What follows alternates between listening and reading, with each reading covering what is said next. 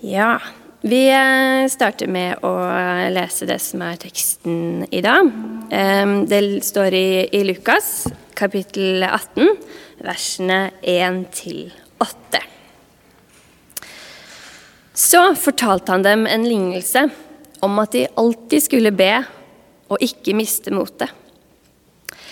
I en by var det en dommer som ikke fryktet Gud og ikke tok hensyn til noe menneske. I samme by var det en enke som stadig på ny kom til han og sa, 'Hjelp meg mot min motpart, så jeg kan få min rett.' Lenge ville han ikke, men til slutt sa han til seg selv. Enda jeg ikke frykter Gud og ikke tar hensyn til noe menneske, får jeg hjelpe denne enken til hennes rett, siden hun plager meg slik. Eller ender det vel med at hun flyr like i synet på meg? Og Herren sa, Hør hva denne uhederlige dommeren sier. Skulle ikke da Gud hjelpe sine utvalgte til deres rett, de som roper til Han dag og natt? Er Han sen til å hjelpe dem?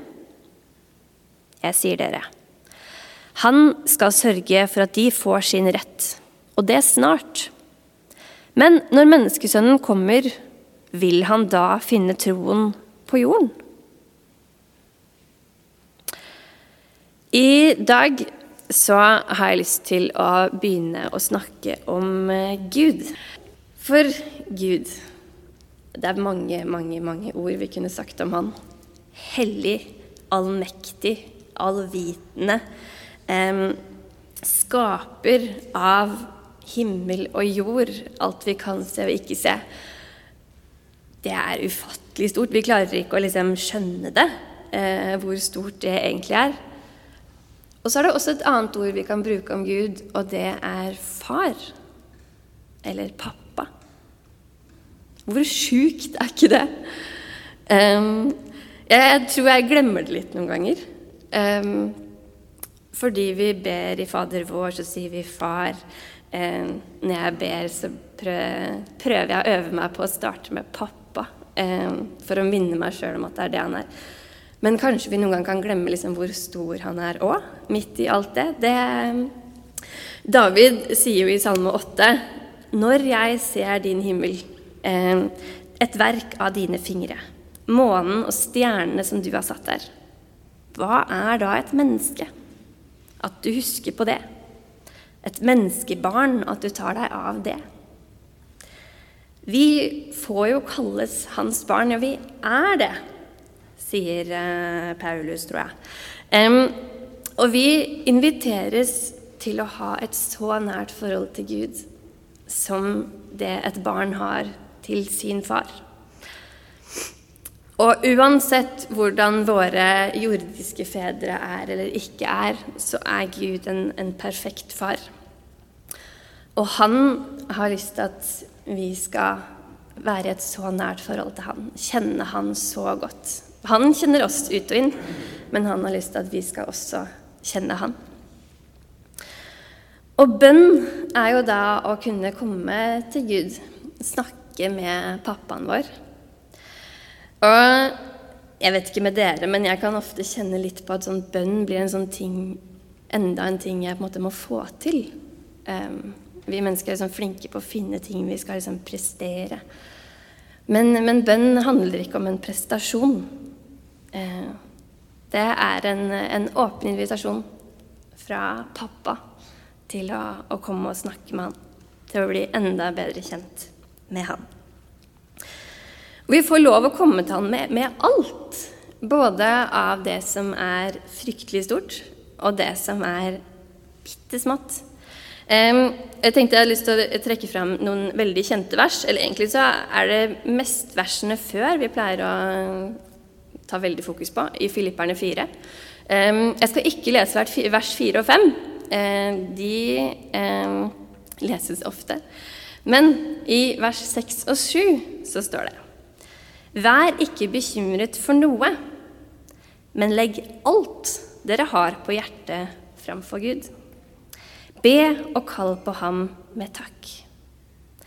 Og Guds fred, som overgår all forstand, skal bevare deres hjerter og tanker i Kristus Jesus. La dem merke til alt. Legg alt dere har på hjertet, framfor Gud. Vi, vi trenger ikke å bruke noen sånne fancy ord eller um, Ja, vi kan komme oss og si, si, det vi har på hjertet. Um, og fortelle det akkurat sånn som det er. Og Gud, Gud tåler det. Han tåler hva enn det skulle være at vi har på hjertet. For å ta én ting syndene våre de tok Jesus med seg opp på korset. Og når vi tror på han og bekjenner syndene våre, så har han tatt de.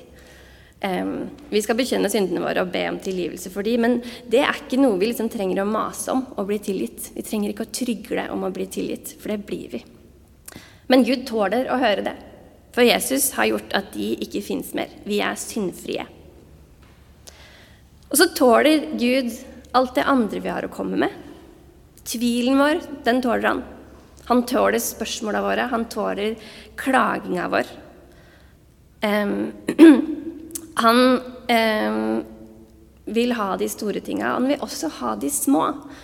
Um, han plages ikke av hvis vi kommer med disse små, trivielle tingene våre som vi er opptatt av. Det er ingenting som er for smått for Gud. Det kan jo være en jordisk pappa blir sprø av å liksom hele tiden du, du, du, men Gud er ikke sånn. Gud blir ikke lei av at vi kommer til han. Og han er ikke en pappa som vi må liksom mase på å få oppmerksomheten til. En eh, far som sitter på mobilen sin eller et eller annet. Med en gang han er der, eh, uansett hvert sekund av hver eneste dag.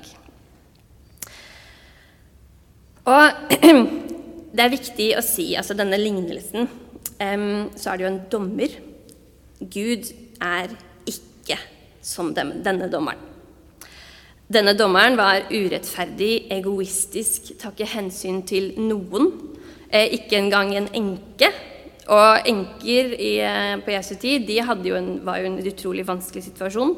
Eh, damer kunne jo ikke jobbe eller få seg noe utdanning eh, annet enn å tigge eller eventuelt eh, prostituere seg så hadde man ikke noen mannlige slektninger, så var man i en utrolig desperat situasjon. Og Moseloven, eh, i den så sier Gud til og med at man skal eh, ta spesielt vare på enkene, i tillegg til da de foreldreløse barna. Og denne dommeren bryr seg jo ikke engang om hun. bryr seg ikke om noen. Og ender jo til slutt med og gjeter fordi han blir så plaga og så irritert. Men Jesus eh, forteller denne lignelsen for å vise kontrasten. At det er i kontrasten her at det er viktig eh, at vi ser hvem Gud er. Eh, og så er det, ikke sant, når til og med denne dommeren gir etter til slutt, da skal i hvert fall Gud lytte til bønnene våre, svare på bønnene til den som ber han og hjelpe oss. Og Så viser også denne lignelsen en kontrast mellom oss og denne enka. Um, på en måte så er jo vi også i en desperat situasjon fordi vi er syndere og egentlig ikke kan ha noe forhold til Gud. Men siden Jesus har kommet eh, inn og vaska oss reine, så er vi jo egentlig ikke i en tilsvarende desperat situasjon. Og som jeg var inne på i stad, vi trenger ikke å mase og plage Gud for å få svar. Vi har hans fulle oppmerksomhet. Og jeg hadde lyst til å eh, lese noen vers fra Bergprekenen, som også handler litt om det samme her, eh, fra Matteus 7,7 og videre. Eh, noen veldig, veldig kjente vers, men eh, de sier også noe veldig fint. For der står det Be, så skal dere få.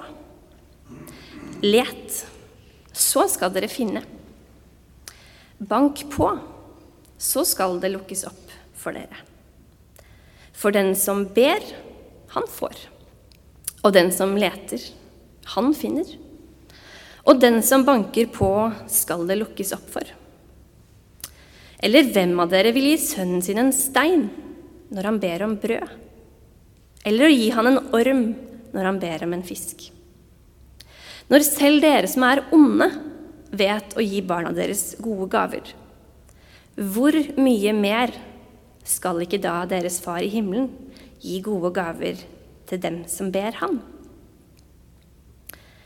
Litt den samme kontrast, eh, på en måte lignelsen, som med dommeren. Når til og med mennesker som på bunn er onde, gir barna sine gode ting.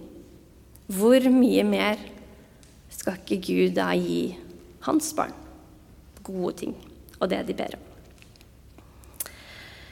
Og så hadde jeg lyst til å komme med en liten eh, grammatikk-fun fact. Jeg er jo glad i grammatikk. Jeg vet at noen er glad i grammatikk, så kanskje jeg gir dette dere litt. Rann. For verba i starten Altså et verb er jo noe man gjør. Så be, let, eh, bank på, det er verb. Og de står i det vi kaller for imperativ, altså en sånn befalende form. Be, let, bank på.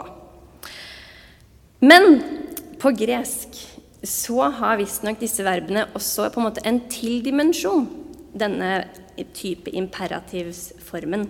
Fordi det handler om noe som er kontinuerlig. Det vil si at man skal fortsette denne handlingen. Så det vil si be og fortsette å be, så skal du få. Let og fortsett å lete, så skal du finne. Bank på og fortsett å banke på, så skal det lukkes opp for deg. Um, og det passer jo veldig godt inn i dagens tekst. Lukas han starter jo til og med hele dette avsnittet før lignelsen med å si så fortalte han dem en lignelse om at de alltid skulle be og ikke miste motet. Jesus ber oss altså om å være utholdende, ikke gi opp, ikke miste motet. Um, og det kan jo være fryktelig vanskelig. Um, I møte med det vi opplever som at han ikke hører, så kan det være veldig lett å miste motet. Og kanskje stopper vi med å be um, for den ene tingen. Um, kanskje går det så langt at vi til og med mister troen. Jesus jo, um, stiller jo et spørsmål på, i slutten av uh, teksten. Vil menneskesønnen finne troen når han kommer tilbake? Så Jesus maner oss til å være utholdende, til å stole på at Gud har en plan. Og så er da spørsmålet vil det si at vi skal mase. Kan vi mase? Jeg tror svaret på det kan være ja. Men jeg tror at Gud ikke nødvendigvis ser på det som masing. For jeg tror at han er egentlig bare overlykkelig hver gang vi har lyst til å snakke med han. Så om vi kommer med de samme tinga på nytt og på nytt og på nytt og på nytt, og holder ut, på en måte, ikke mister motet, så, så tror jeg det syns han er kjempefint. Um, så er Bibelen kjempefull av løfter om at Gud han hører oss når vi ber, og at han vil gi oss det vi ber om eller for. Um, og det er jo ganske krevende å stå her og si, fordi vi vet jo alle at det føles som at det ikke skjer. Hva når vi opplever at vi ikke får svar? Hva med de forfulgte kristne rundt om i verden som har det forferdelig fordi de tror på Gud? Hva med folk som ikke blir helbreda? Selv om man ber dag ut og natt ut, holdt på å si. Eh, dag og natt. Hva, hva med de? Hvorfor svarer ikke Gud? Eh, hvorfor blir noen helbreda og andre ikke? Det er det bare Gud som vet. Og det, det er en av de tingene jeg har lyst til å spørre han om når jeg kommer, eh, kommer til himmelen en gang fordi det, gir, det henger ikke på greip. Men jeg tror vi er nødt til å legge vår lit til og stole på at Gud har en plan. At han vet hva han holder på med. Sjøl om det virker helt ubegripelig for oss. Litt som når et lite barn ikke får lov til en eller annen ting fordi vi voksne ser at det er farlig, eller det funker ikke. Så er det sånn med oss og Gud. Og så har Jesus ikke lova oss enkle liv. Dessverre. Det hadde vært veldig deilig om det var sånn.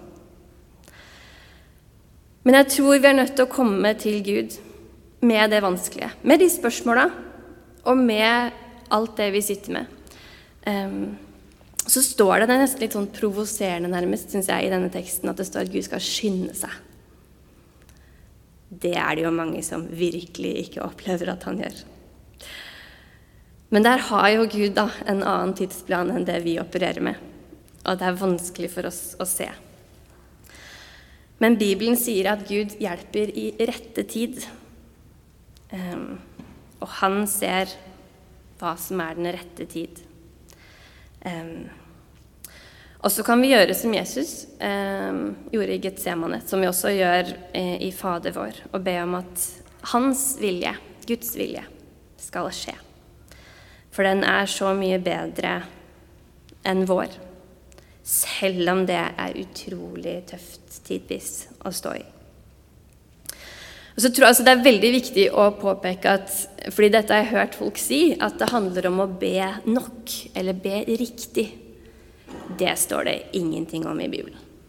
Det er, handler om å legge det fram for Gud, og så er det opp til Gud hva han velger å gjøre, um, og hvordan han velger å svare på bønnene våre. Og Noen ganger så må vi være åpne for at Gud har et annet svar enn det vi håper på. Um, da tenker jeg at vi kan be om at han kan hjelpe oss med å godta um, sånn, sånn, han vil at, at det skal være. Mm. Og så står det noen flere steder i Bibelen at vi skal be uten stans. Eller alltid be. Og det høres jo på en måte litt vanskelig ut. Eh, vi lever jo livet våre, og det er vi jo kalt til å gjøre. Eh, men eh, at det på en måte kan være en greie med å ha med Gud gjennom alt i livet. Og jeg har hørt noen flere referere til bønn som sjelens pust. Og hvis vi tenker på liksom vår, altså, den vanlige pusten det er jo ganske mye vanskeligere å ikke puste enn å puste, faktisk. Altså holder du pusten, så er det jo litt begrensa hvor lenge du holder ut. Um, og hvis man ikke får puste, så kan det jo gå ordentlig ille. Um, og kanskje er det sånn med bønn også. At vi skal eh, ta med Gud i alt det vi står i gjennom dagen. Eh, og det trenger ikke å være så mange ord, eh, men det kan være et sukk eller en stillhet. Eh, og så er Gud med oss, det har han lova, gjennom alt det, det vi går gjennom. Eh, så jeg, i hvert fall jeg kjenner at det er noe jeg kan øve meg litt på, og være litt bevisst gjennom hverdagen min. Gud, takk for det når det skjer. Eh, Gud, oi, vær med meg nå. Eh, enda mer enn det, det jeg gjør. Mm. Og så har jo Jesus faktisk lært oss litt hvordan han vil at vi skal be. I bergprekten så disiplene lurer jo på men hvordan skal vi be. Så snakker Jesus om eh, eh at eh, det er noen, at fariseerne tror de blir hørt fordi de bruker mange ord og flotte ord. Men det er ikke sånn Jesus vil at vi skal be. Um, han vil at vi skal be med, med enkle ord. Um, og han har jo lært oss da Fader vår, eller vår far. Um, og nå vet ikke jeg med dere, men vi ber den jo ganske ofte. Enten du ber den hver dag, eller om det er hver søndag, eller hvor ofte det er, så er det jo en, en bønn man ber ganske ofte. Um, så i hvert fall noen ganger for min del så kan den stå litt i fare for å på en måte bli et type ritual. Noe jeg på en måte bare sier, og så kommer gjennom, og så kan jeg sove. Um, men den kan også vise oss hvordan Jesus ønska at vi skal be. Og kanskje skal, Nå skal vi be Fader vår eh, etterpå i møtet. Tenk litt over hva det er vi ber om og for. Um, og Hvis vi ser på vår far, så kan vi egentlig trekke fram uh, det dobbelte kjærlighetsbudet om å elske Gud og elske mennesker. Og så er det ganske betegnende, tror jeg, at Jesus bruker eh, flertallsformen. Han sier ikke 'gi meg mitt daglige brød', men han sier 'gi oss vårt daglige brød'.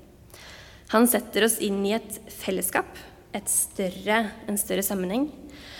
Og at vi er nødt til å se andres behov, ikke bare mitt eget eller de som er nærmest meg, um, men at vi kan få være med å be for andre også. Um, og det er jo noe fint med at denne bønnen bes i, over hele verden på forskjellige språk, men vi ber til samme Gud og den samme bønnen som Jesus lærte oss. Og så, eh, I forberedelsene til det, denne talen her, så hørte jeg på en podkast om, eh, om Fader vår. Um, og da var det han som snakka, eh, hadde en eh, sånn, ja, referanse til hvordan hans bønner ofte kunne være. Og eh, jeg kjente meg veldig igjen. Så så kan dere gjøre det òg. Eh, for ofte så kunne bønnene hans være litt sånn Takk, takk, takk. hjelp, hjelp, hjelp. Unnskyld, unnskyld, unnskyld. Og at det hele tiden handla om å være reaktiv, altså en reaksjon på noe som har skjedd. Altså noe godt, takk. Noe dårlig, hjelp. Noe galt man har gjort, unnskyld. At det hele tiden handla om noe skjer, vi ber. Men hans poeng var at eh, Fader vår, den er også proaktiv, altså i forkant. Sånn som f.eks.: La navnet ditt helliges. La riket ditt komme. La viljen din skje på jorden, sånn som i himmelen. Og Det får vi lov å være med å be om. Jesus inviterer oss til å være med å be om dette her. Og at det kan være litt fint for oss noen ganger å liksom heve blikket litt fra våre egne ting. Og som jeg sa innledningsvis, vi får lov å komme til Han med alt. Så det er ikke at vi ikke skal komme med disse reaktive bønnene. Eh, for det trenger vi. Vi trenger å komme til Gud med det som skjer og at han kan hjelpe oss. Men også heve blikket litt eh, og kunne være litt i forkant. Til avslutning nå så har jeg lyst til å igjen minne om at bønn, det er ikke en prestasjon. Verken for å bli frelst eller for å få oppmerksomheten til Gud. Det er ikke det bønn handler om. Men vi får lov å komme til Gud med det vi tenker på, det vi bærer på, det vi har i hjertene våre. Og så kan vi få hvile hos Han i bønn og i stillhet. Midt oppi alt det som skjer i livet våre, av godt og av vondt. Og så kan vi ha blikket festa på Jesus. Så jeg vil at bønnen vår kan være at, som vi sang i sangen i stad Gud, lær oss å be. Amen.